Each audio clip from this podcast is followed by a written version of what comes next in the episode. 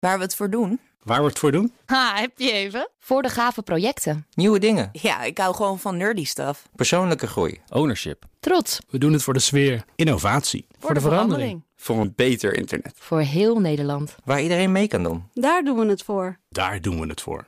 Waar doe jij het voor?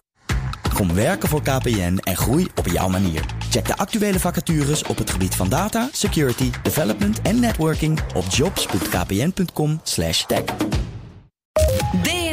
Nieuwsradio. DNR Digitaal. Herbert Blankenstein. Welkom bij BNR Digitaal. Deze zomer hoor je het beste van het afgelopen seizoen van dit programma. Om de digitale beveiliging van je bedrijf op orde te krijgen, heb je helemaal geen dure security bedrijven nodig. Dat kun je voor een belangrijk deel best zelf, zegt beveiligingsonderzoeker Brenno de Winter. Het staat in zijn boek Survival Gids voor de Digitale Jungle. Hij legt uit voor wie hij dit boek geschreven heeft. De, de, de wat kleinere organisaties, uh, zorginstellingen, um, MKB'ers, uh, kleine overheden, die eigenlijk enorm met de handen in het haar zitten van wat moeten we. Dan benaderen ze een bedrijf, dan krijgen idiote offertes waar ze eigenlijk weinig mee kunnen en dan gebeurt er maar niets. Ja, en of weinig. Jij, jij uh, klaagt over security voodoo. Ja. Wat is dat? Nou ja, het is een beetje uh, het, het verschijnsel dat, dat er heel ingewikkeld wordt gedaan over heel veel zaken rond beveiliging, die eigenlijk niet veel meer zijn dan ja, hele basale hygiëne op orde hebben.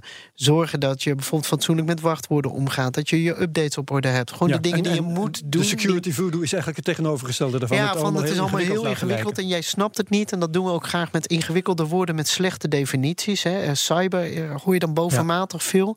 En, Alles om maar te laten lijken alsof je het niet zelf kan. Ja, en omdat ik het parallel met de jungle trek, uh, ik vergelijk ik dat met de narwal, die buitengewoon goed is in verstijven. En dat zo goed kan dat hij uh, eigenlijk, als hij een piek moet leveren, dat niet meer kan. Omdat ja, zijn lichaam in een staat van verstijven is.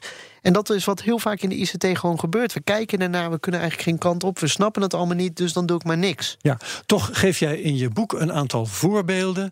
Uh, en je zegt erbij dat je nog veel meer zou kunnen geven, volgens mij, van dingen die verkeerd gaan in beveiliging, omdat mensen nou eenmaal de kennis niet hebben. Bijvoorbeeld, iemand negeert de melding dat de backup schijf vol is. Ja. Waarschijnlijk is die melding ook dermate cryptisch dat hij niet te begrijpen is voor iemand, met een, uh, iemand zonder ICT-achtergrond. Uh, dus. Uh, voor veel mensen is het zelf beveiligen ook te hoog gegrepen, of niet? Nou, dat valt wel mee als je daar zelf wat energie in steekt en het je verteld wordt. Wat boek je leest bijvoorbeeld. Dat, nou, dat is, dat is een stap. Ja. En daarna ook uitnodigen om zelf ook verder te gaan leren. Maar als je dus een Mhm. melding niet uh, snapt, dat je dan denkt van, oh, misschien moet ik dat dan toch eens om me heen gaan er vragen. is wel een melding. Dat is, in ja. plaats van wegklikken. Ja, ja maar je, je lacht erom, maar het gebeurt ook heel vaak met lampjes in auto's. Nou, ik had Ja. van, de, uh, van de winter was er een hackercongres in Duitsland, CCC. En daar was dus iemand en die kreeg een melding over bandenspanning. En die is toch even van de weg gegaan en uh, heeft dat even laten nakijken. Die band stond op springen. Dat was gewoon een dodelijk ongeluk geworden. Ja. Door niet even die melding te negeren. Nou, eh, vertaal dit even naar het digitale. Als je dus zo'n zo melding krijgt, dan moet je daar wat mee doen. En dat dus niet zomaar wegklikken. Maar omdat we daar ja, dat toch niet zo serieus nemen en het zal wel...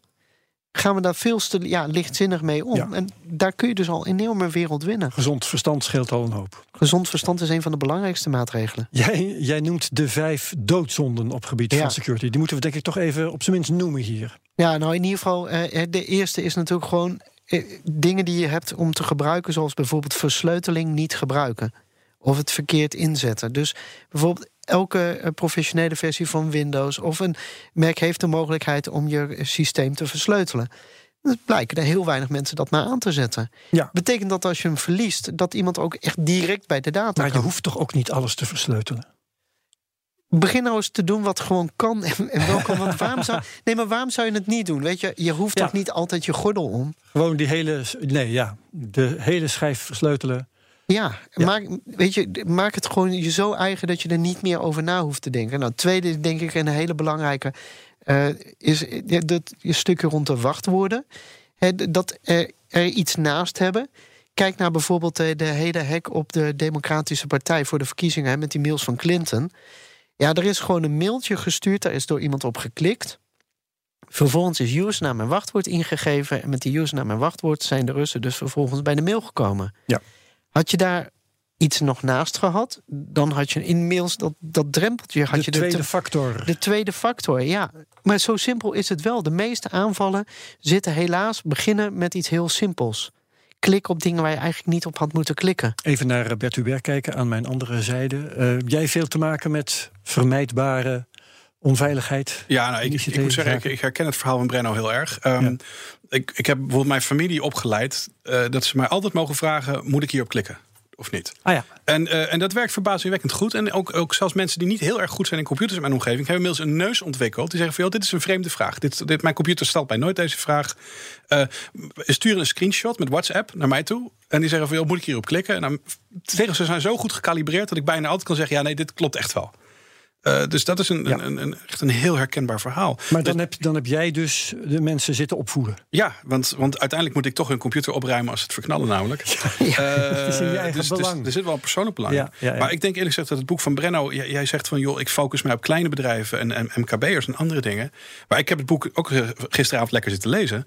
En ik denk dat jij ook voor grote bedrijven en overheden... die erg diep in de cybervoodoo eh zitten... want ja, het is secure, want we hebben deze firewall was zo duur...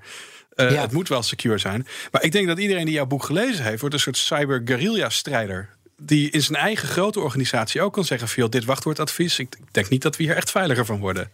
Ja, dat is wel waar. En ik, als ik dan wat mag aanhalen. Het allerbelangrijkste in het boek is los van de, de basale tips.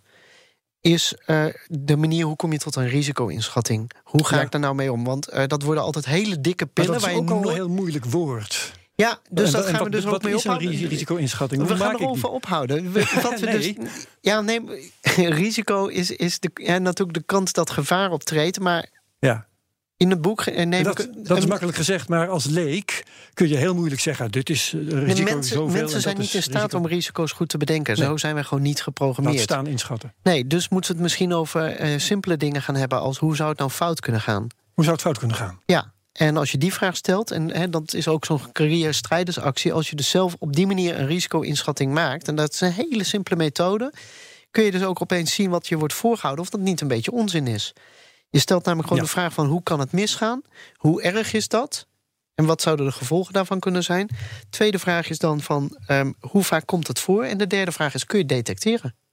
Dat is eigenlijk alles wat je moet weten om, om met wat mis kan gaan een beetje te kunnen omgaan. En, Kun je het niet detecteren, ja, dan heb je een probleem.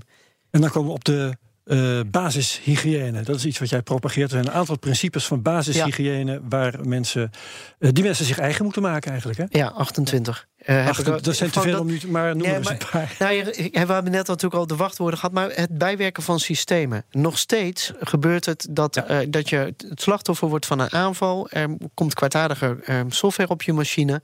En die kijkt om zich heen en die kan vrolijk dus zich zeg maar propageren, doorgaan omdat al die systemen eromheen niet goed genoeg zijn, maar zijn geüpdate naar de laatste versies. En bekende lekken worden misbruikt. Het, het bizarre is dat de meeste incidenten hebben gewoon te maken met zwaar verouderde Ja, software. maar dan ga ik in de schoenen van de systeembeheerder staan en dan zeg ik ja, eh, die update is leuk. Er is altijd een lawine van updates en ik moet ze wel allemaal testen of ze mijn systeem niet juist in het honderd laten lopen. Ja, dat, dat, dat is ook deels waar, maar dat verklaart niet waarom je bijvoorbeeld zes jaar later nog geen updates hebt geïnstalleerd. Dat Zes is best wel een lange testperiode. Ja, maar dat gebeurt wel. Ik kom bij incidenten waar dit soort dingen ook daadwerkelijk gebeuren, of het een jaar heeft geduurd. En dat, dat komt ook omdat eigenlijk dat omgaan met die updates is niet een vast onderdeel. Het staat niet in het, zeg maar, het curriculum van een, van een beheerder van ja, een kwart van de tijd mag jij je bezighouden met het up-to-date houden van systemen. Dat is maar Ja. bij weinig organisaties zo. Nou, en dat, en dat is eigenlijk gewoon, ja, je zou bijna zeggen, te logisch voor woorden. Maar als je de meeste incidenten leest. Nou, vorige week kwam er een rapport uit, eh, uit Singapore. Daar is het hele zorgsysteem gehackt. Zo'n beetje alle medische dossiers waren toegankelijk. Het waren dit soort zaken. Niet weten wie waarvoor verantwoordelijk is. En je, het zijn Ja, altijd dus geen geniale hacks, maar gewoon. Nee, en daar moet je het uit die voodoo-sfeer trekken. Van Ja. eh, hackers doen dingen die heel ingewikkeld zijn. Nou ja, die zitten ertussen.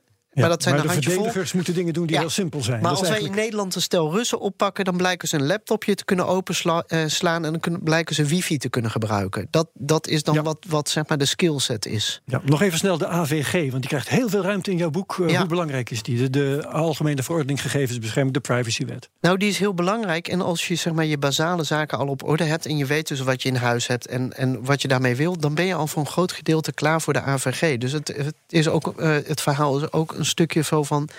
ehm, je moet heel veel, maar heel veel heb je Ja, al nee, gedaan. AVG moet, maar wat, wat is zijn relatie met veiligheid? Nou het ja, gaat over de privacy. De AVG, eh, daar komt eh, precies 70 keer in de, zeg maar, in de tekst vooraf en de, de wettekst zelf, het 70 keer het woordje risico in voor. Wat de AVG van je vraagt is om met gevaren en met risico's te leren omgaan. Nou, dat is eigenlijk in het kort gewoon de grote relatie.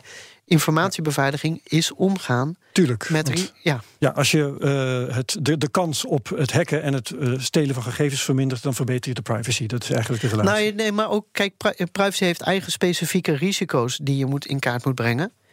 Ehm, maar dat is eigenlijk wel de, de, het, maar de methodiek is dezelfde. En de wet vraagt dus om vooral met risico's om te gaan. En ook dat is niet een soort voodoo-domein van juristen alleen. Nee, dat is ook vooral heel veel doen. Ben je wel echt een mens en geen bot? Captcha's sluiten het uit. Probleempje alleen, ze worden te moeilijk voor mensen. Dat hoor je zo. BNR Nieuwsradio. BNR Digitaal. Welkom terug bij BNR Digitaal. Met deze zomer het beste van het afgelopen seizoen van dit programma. Om te voorkomen dat bots meedoen aan enquêtes of zomaar e-mailaccounts aanmaken om te kunnen spammen, zijn captcha's bedacht. Eenvoudige testjes die de mens kan oplossen terwijl de computer dit niet kan. Maar steeds vaker worden captcha's zo ingewikkeld dat de mens er zelf niet meer uitkomt, terwijl de computer ze makkelijk oplost. Jan Terpstra, beveiligingsdeskundige bij DXC Technology, legt uit hoe captcha's werken. Je krijgt een wat versleuteld tekstje. Of je krijgt een wat vreemde foto. En je wordt gevraagd om daar patronen in te herkennen. De gedachtegang erachter is dat wij als mensen dat intuïtief zien. Je ziet een kriebeltje en je ziet dat het de letter P is. Of je ziet een foto en je herkent Ja. meteen het verkeerswoord of de bushalte. En de computer is slecht En de in computer zou, da- zou dat theoretisch gesproken minder goed of niet kunnen. En daarmee zeggen. kun je onderscheid maken. Eh, wordt dit eh, formuliertje op een website of de loginpoging gedaan door een mens of door een machine? Ja. Alleen de, eh, de machine learning, de artificial intelligence, is inmiddels zo goed. en daar zijn we zelf ook een beetje debet aan geweest. dat eh, het voor sommige mensen al niet meer herkenbaar is. En dat ze op blokjes klikken waar nou net dat ene stukje van de bumper wel of niet in staat. Omdat je een auto moet herkennen op een foto van Google. En dat leidt tot de nodige Ja. frustratie. Want het samenstellen van zo'n captcha gebeurt met een algoritme. En kennelijk is dat algoritme zo eh, doortrapt, laten we maar zeggen, dat je als mens gewoon voor de mal gehouden wordt. Het, is, eh, het heeft een hele evolutie doorgemaakt. Hè? Want ik herinner me de eerste captcha's, dat waren vrij eenvoudige eh, teksten, vrij eenvoudige woorden die je moest herkennen. Ja. Die waren dan cursief of zo, weet je wel. Ja, of een sommetje en oplossen. Op een gegeven moment werden ze in de knoop gelegd. Het werd steeds gekker tot je het als mens na- nauwelijks meer voor elkaar kreeg. Toen zijn ze met die foto's begonnen. Dat weerspiegelt dus eigenlijk de evolutie in kunstmatige intelligentie, die dat ook kan en op een gegeven moment beter gaat kunnen dan de mens. Ja, en, en het mechanisme wat erachter zit is op het moment dat jij een foto krijgt van een, eh, van een weg. en er staat een verkeersbord, een verkeerslicht, een auto en een bushalte op. dan vraagt die CAPTCHA-provider, en meestal is dat Google. wil jij op alle vakjes klikken waar een verkeerslicht in zit? Ja. En dan klik je erop, maar tegelijkertijd leer jij daarmee het algoritme. Ja. dat wij als mens dat herkennen als een verkeerslicht of een verkeersbord of een auto of een etalage of, of noem het maar op. Eh, het doen van de captcha, dus het zelf invullen van de captcha, helpt het achterliggende systeem ook weer om zichzelf te verbeteren. Het Ja. is een zelflerend systeem. Even naar Menno Wij. Eh, Kom jij dit soort dingen ook eh, tegen en word, word, je- word je er net zo wanhopig van als ik? Ja, ja nee, absoluut. Dus eh, inderdaad dat je cijfers of letters moet herkennen... en dat het in zo'n handschrift is dat je dan... Juristen kunnen dat niet, hè? die, zijn, die zijn heel plat. en inderdaad, bij foto's zit je helemaal suf te kijken naar... eh, Zit er nou, waar zit dat stoplicht nou verdeeld in die foto? En is het dan nou een etalage of niet? mis. Ja, en dan eh, moet je het weer opnieuw doen. Ja, oké. ehm, Jan, eh, wat ik me afvraag, die, die technologie, zeg jij, wordt steeds beter doordat wij helpen aan te wijzen wat wij als verkeerslichten of als auto's of als verkeersborden herkennen. Maar hoe kan het, want dat doen wij in testen die door Google worden geleverd, onder andere, hoofdzakelijk. Hoe kan het dan dat de bad guys, die willen spammen en dergelijke, dat ook in handen krijgen? Dat gaan ze toch niet bij Google halen, of wel? Omdat ze dezelfde technologie gebruiken. Die, uh, artificial intelligence en machine learning is op een aantal Ja, algoritmes. maar Google krijgt de data waar wij met onze kliks aan bijdragen. Ja, de bad guys hebben dat de, niet. De data, maar de, het, het geven van de data en de kliks leert een algoritme. En dat algoritme wordt gewoon gepubliceerd. Dat Dus wordt iedereen, gepubliceerd. Ja, iedereen die dat algoritme tot zijn beschikking heeft, kan het op een goede of op een uh, Waarom wordt dat gepubliceerd? Uh, ja, dat, dat, is beleid van Google, denk ik. Uh, het, het, Lang leven open source. Uh, open source, maar op universiteiten wordt hier ook uitgebreid onderzoek dan gedaan naar fotoherkenning, gezichtsherkenning, patroonherkenning. Dus dat is gewoon te halen. Het is gewoon te halen. Het is niet iets unieks voor de CAPTCHA. Menno. Ja, Jan, maar dan valt toch het hele idee van de test: ben je wel een mens uh, uiteindelijk toch weg? Bedoel, op het moment dat uh, en de machine en de bad guys, zoals Herbert zegt dit achterhalen. Dan vraag ik me even af, wat is dan de zin of de onzin... dat ik nog loop te klooien met, uh, met die plaatjes. Maar dat is nou net het probleem waar we het ja, over hebben, ja, volgens mij. Ja, ja, dat is precies het probleem. Wij lopen een halve stap achter op het algoritme... wat geacht wordt ons te herkennen uh, als zijnde een mens en niet een machine. Maar inmiddels zijn de machines zo goed... dat zij sneller zijn in het herkennen van dat patroontje... en het, het aanklikken van dingen, hè, als je daar een applicatie voor zou Ja. bouwen... dan dat wij menselijkerwijs gesproken zouden kunnen. Want wij En is moeten dat trouwens even... ook te merken aan een toename van het aantal spamaccounts bijvoorbeeld? Eh, want want de, als de bad guys dit intussen kunnen en minstens zo goed kunnen als wij, dan zou ook het probleem dat die captcha's moeten, moeten voorkomen, dat zou moeten toenemen. Ja, eh, niet zozeer het aantal spam-accounts, maar met name het aantal pogingen tot identiteitsfraude zie je wel stijgen. Omdat eh captcha's vaak ook gebruikt worden van: ben jij een mens en mag jij inderdaad deze password reset doen? En als je dat in een geautomatisch systeem, zou moeten doen, dus eh, wachtwoorden onderscheppen, ja, dan. En je hebt nog dat oude captcha-systeem. Dat houdt dat niet bij. Maar als je de nieuwe technologie gebruikt, de nieuwe algoritmes, dan ben jij minstens zo goed als de menselijke eh, eh, bediener die daar zit. om die captcha's te herkennen. en daarmee dus jezelf toegang tot zo'n systeem te verschaffen. Ja, ja. Worden ze trouwens altijd terecht gebruikt? ja, Of- eh, want dit ik, heb soms ook wel het gevoel, ik weet even geen voorbeeld, moet ik eerlijk bekennen. Is, dit, is dit nodig? Word ik hier tegengehouden om een reden? Of had het ook zonder gekund? Ik, ik, ik vind het wel eens wat overkill. Ehm, in de basis moet het zo zijn. Hè, dat is de basisvraag van, van security. Wat wil je doen? Welke moeite, welke investering wil je doen om een object te beveiligen? Ja. Nou, dat moet niet de waarde van het object overstijgen. Dus als ik iets van een tientje wil beveiligen, ga ik daar niet meer dan 10 euro aan uitgeven. Ja. Eh, dat is met het beveiligen van data ook zo. Ik zie dat soms eh, eh, toegepast worden op websites waarvan ik dan denk. Waarom in vredesnaam? Want je hebt, je hebt niets te beveiligen. Maar kennelijk is het sexy of staat het als high-tech. Het is net zo'n wassen neus als dat iedereen tegenwoordig HTTPS gebruikt. Als zijnde van wij zijn veilig, want we gebruiken HTTPS-verbindingen. Dus eh, Dat mis- dacht misschien- ik ook eigenlijk dat, dat, dat elke website dat moest. nou, Dat vind jij niet? Dat vind ik niet, nee. Want het, het, het voegt aan de beveiliging van de website op zich niks toe. Want ik zie heel veel eh phishing Moet je tegen de autoriteit persoonsgegevens vertellen. Want die schrijft dit onder andere wel voor als let op. Hè, als je met persoonsgegevens op een website iets doet, willen we dat je zo'n S'je Ja, maar het is schijn, Maar ja. als het dus eh, geen zin is meer heeft volgens de schijnveiligheid. Maar goed, de, beveiligingsexpert. ja, de praktijk is in elk geval dat het gebeurt. Oké. Ja. Ehm, ja, nu eh, staat de ontwikkeling niet stil, want Google komt met CAPTCHA versie 3. Kun je daar iets over vertellen?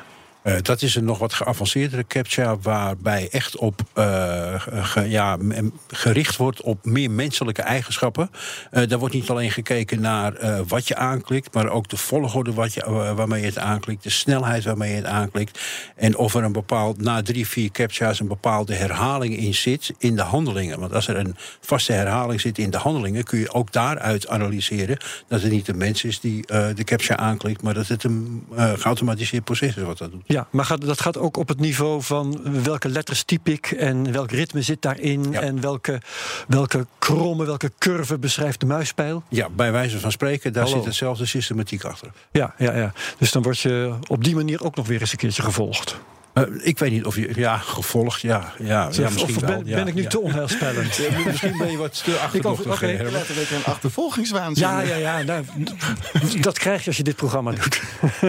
Zou je, Maar- mag, mag ik nog Ja, natuurlijk. Zou je iets met ehm, een stem kunnen? Dus eh, zou je dus met dus deze versie 3 Eh, dat je gewoon spontaan mij iets laat zeggen. waar ik zou denken dat een eh, slim algoritme wat minder makkelijk kan inspringen. Is dat een ontwikkeling die je mee Eh, kan dat, nemen? dat zou een ontwikkeling zijn, maar dat betekent ook dat je andere technologische zaken beter moet afschermen. Want het is verrassend makkelijk voor mij om de eh, microfoon in jouw laptop aan te zetten en vervolgens je stem Ja. op te nemen. En die, de, zeg maar, de foneten uit jouw stem te knippen, daar een nieuwe zin van te maken. Dus eh, ook, Ja. ook dat is geen echte oplossing. Nee, en omgekeerd dacht ik, die captcha nummer drie, die dan kijkt naar ritme van type, route van de muis en dergelijke. Dat lijkt me iets wat de bad guys ook wel weer zullen leren te simuleren. Ja, als je daar een, eh, een randomiserende factor in zit, hè, dus daar met een bepaalde willekeur dat eh, gaat doen, dan wordt het alweer moeilijker om te onderscheiden dat het niet een mens maar een machine is. Ja. En eh, Jan, wat, wat gaat hierna komen? Want eh, hè, als, ik, als we het daarover eens kunnen zijn, die CAPTCHA 3 eh, gaat even werken, maar niet permanent, wat dan? Uiteindelijk wordt dat ook ingehaald. En echt, ik wou dat ik wist wat de oplossing was, want dan zou ik een zeer verzorgde oude dag hebben. maar is er Nee, geen enkel alternatief? Weet Ja, ik veel, het stuur maar een het- sms het naar mijn mobiel... en ik moet een wachtwoord invullen of zo. Het alternatief is biometrie, want dat is onlosmakelijk aan jou als persoon verbonden. En dan ga je denken aan eh, bijvoorbeeld eh, eh, retina-scans, hè, dus je, je oog wordt gescand. Ja. Eh, vingerafdrukken, maar die zijn ook verrassend makkelijk na te Voor maken. zeggen. Dus je gaat veel meer kijken naar biologische eigenschappen. Hè, dus eh, naar, Ja. van mijn part, eh, DNA-analyse. Aderpatronen, Aderpatronen, bewegingen van je gezicht. Bewegingen van je gezicht, eh, samenstel van, van jouw huid, hè, de, de kleur, echtheid en de reflectiewaarde van je, van je gezicht. We gaan waarschijnlijk die kant uit dat eh, jij geïdentificeerd wordt met Ja. biologische kenmerken. Ja, maar zou dat dan waterdicht zijn? Dat is niet wat ik hoor online. Het is misschien niet waterdicht, maar de mogelijkheden daarvan zijn nog lang niet uitgeput. Dus ik zie daar nog een enorme technologische ontwikkeling komen. BNR Nieuwsradio. BNR Digitaal. Over computerspellen wordt heel veel tegenstrijdige informatie verspreid. Sommigen zeggen dat computerspellen slecht zijn voor je brein. Anderen zeggen dat je hand-oogcoördinatie er beter van wordt of dat je er zelfs slimmer van wordt. Peter Rubin van Wired neemt de proef op de som en vergelijkt zijn hersenen met die van een professionele gamer. Ivan Verrips bekeek zijn verslag. Let's start with the excuse I used to give my mom when I was trying to get a little bit more time on the Atari. It's making me a better athlete. Om te kijken of dat klopt, ontmoet Pieter Matt Higginbotham. Een professionele gamer die zo'n 8 tot 10 uur per dag gamet. If you only play League of Legends, that's like your only activity with no physical exercise. In my opinion, you're just going to get out of shape. In terms of positives, yeah, maybe maybe cognitive. It would increase the things that you're going to use in the game, reacting to things quickly, making decisions quickly. We gaan nu vooral kijken naar de geestelijke gevolgen van gamen. Matt, de professional, en Peter, de niet-professional, doen een paar cognitieve testjes om hun breinen te vergelijken. Het begint met een groot bord met lampjes. Als een lampje oplicht, moet je er zo snel mogelijk met je hand op drukken. It's going to move pretty quickly. Okay. So, so you're going to want to rely on your periphery. Okay. Now, Matt's calm, and he's making it look easy, but this is way, way harder than it looks. Uh, am I not seeing one? Ah, yep, down below. Yeah, there you go. Matt lijkt dit met een stuk meer gemak te kunnen doen dan Peter. En er volgen nog twee testjes. The next one tests what's called cognitive processing under load. It's also a reaction test, but unlike the Dynavision board, there's a voice telling you to do the opposite of what you're actually supposed to do. The last test measures your ability to track multiple objects at the same time. We had to keep tabs on certain spheres as they floated around in a 3D space. Tijd voor de uitslagen. Matt outperformed you in the more complex tasks. So, as tasks got more complicated and had a significant amount of distractions and opportunity for the brain to start thinking about something that wasn't primary to the task, he outperformed you pretty significantly at those tasks. If we were to compare both your scores to a normal population of which we have data, he's in the 98th percentile and you're probably in the 60th or 70th percentile. De deskundige denkt dat gamen daadwerkelijk je cognitieve vaardigheden kan verbeteren, maar dat verschilt wel per game en per genre. Vertelt C. Sean Green, universitair docent op het gebied van psychologie aan de Universiteit van Wisconsin. There are a subtype of games, action games, that have been linked with positive effects in perceptual and cognitive skills. These are games that have lots of fast motion in them, lots of objects to track simultaneously, um, an emphasis on peripheral processing. So items first come at the edges of the screen. Um, the need to make quick and accurate decisions under time pressure. En interessant, Green heeft bij gamers verbetering gezien in hun cognitieve vaardigheden, Sommigen gingen er overigens niet op vooruit, oké, maar niemand gaat erop achteruit. De conclusie luidt dan ook: Gaming can be good for your hand-eye coordination and perception. It can help with focus, attention, maybe even memory. We also know that repetitive gaming can take a toll on your body. So a little bit of moderation goes a long way. And I may never know if gaming helped my brain, I do know it didn't destroy it. So take that, mom. Je hoort een bijdrage van Ivan Verrips. Tot zover BNR Digitaal. Wil je meer horen? Dat kan via bnr.nl, onze app, iTunes en Spotify... of waar je ook maar naar podcasts luistert. Beluister ook eens een van mijn andere podcasts... De Technoloog, Space Cowboys of de Cryptocast. Bedankt en tot volgende week. Ook Harm Edens vind je in de BNR-app. Je kunt BNR Duurzaam niet alleen live luisteren in de app, maar ook terugluisteren als podcast, zoals al onze podcasts. En naast dat de BNR-app Breaking News meldt, houden we je ook op de hoogte van het laatste zakelijke nieuws. Download nu de gratis BNR-app en blijf scherp.